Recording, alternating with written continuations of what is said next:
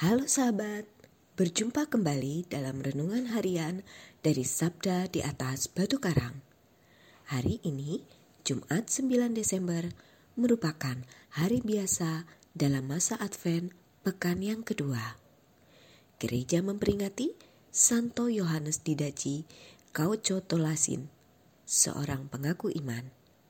Santo Franciscus Antonius, seorang pengaku iman Santo Petrus Fourier, seorang pengaku iman, dan Abel, anak Adam dan Hawa. Renungan kita hari ini terinspirasi dari bacaan kitab suci. Bacaan pertama dari kitab Putra Sirah bab 48 ayat 1 sampai dengan 4 dilanjutkan dengan ayat 9 sampai dengan 11.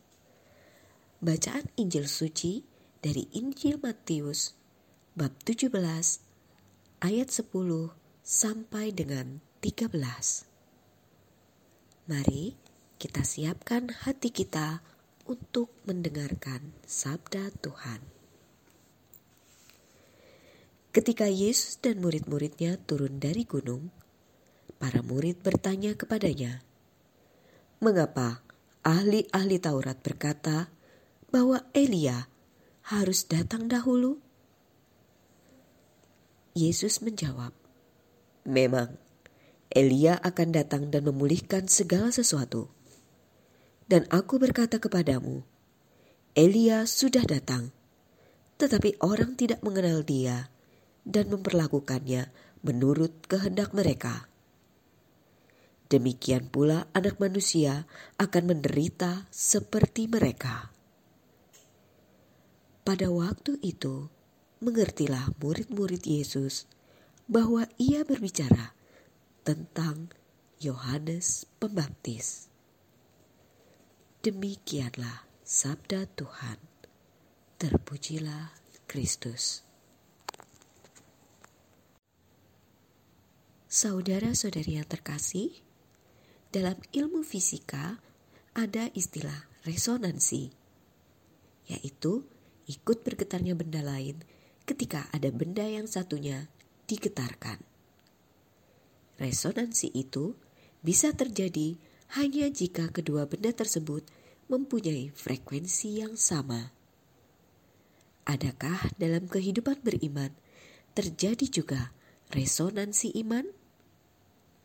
Bacaan Injil pada hari ini dikisahkan Yesus yang sepertinya merasa gemas terhadap sikap kedegilian hati orang-orang Yahudi.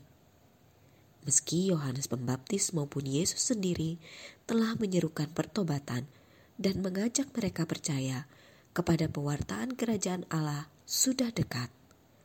Namun, mereka tidak menanggapi. Hati mereka tidak sefrekuensi dengan seruan Yohanes Pembaptis dan Yesus. Bahkan, orang-orang Yahudi menolak mereka berdua. Sabda Tuhan hari ini mengajarkan kepada kita untuk membangun frekuensi iman yang sama dengan Yesus, sehingga kita mampu mengerti pewartaan Yesus dan kehendak Allah. Ya Yesus, semoga aku mau menanggapi seruan pertobatan darimu. Amém.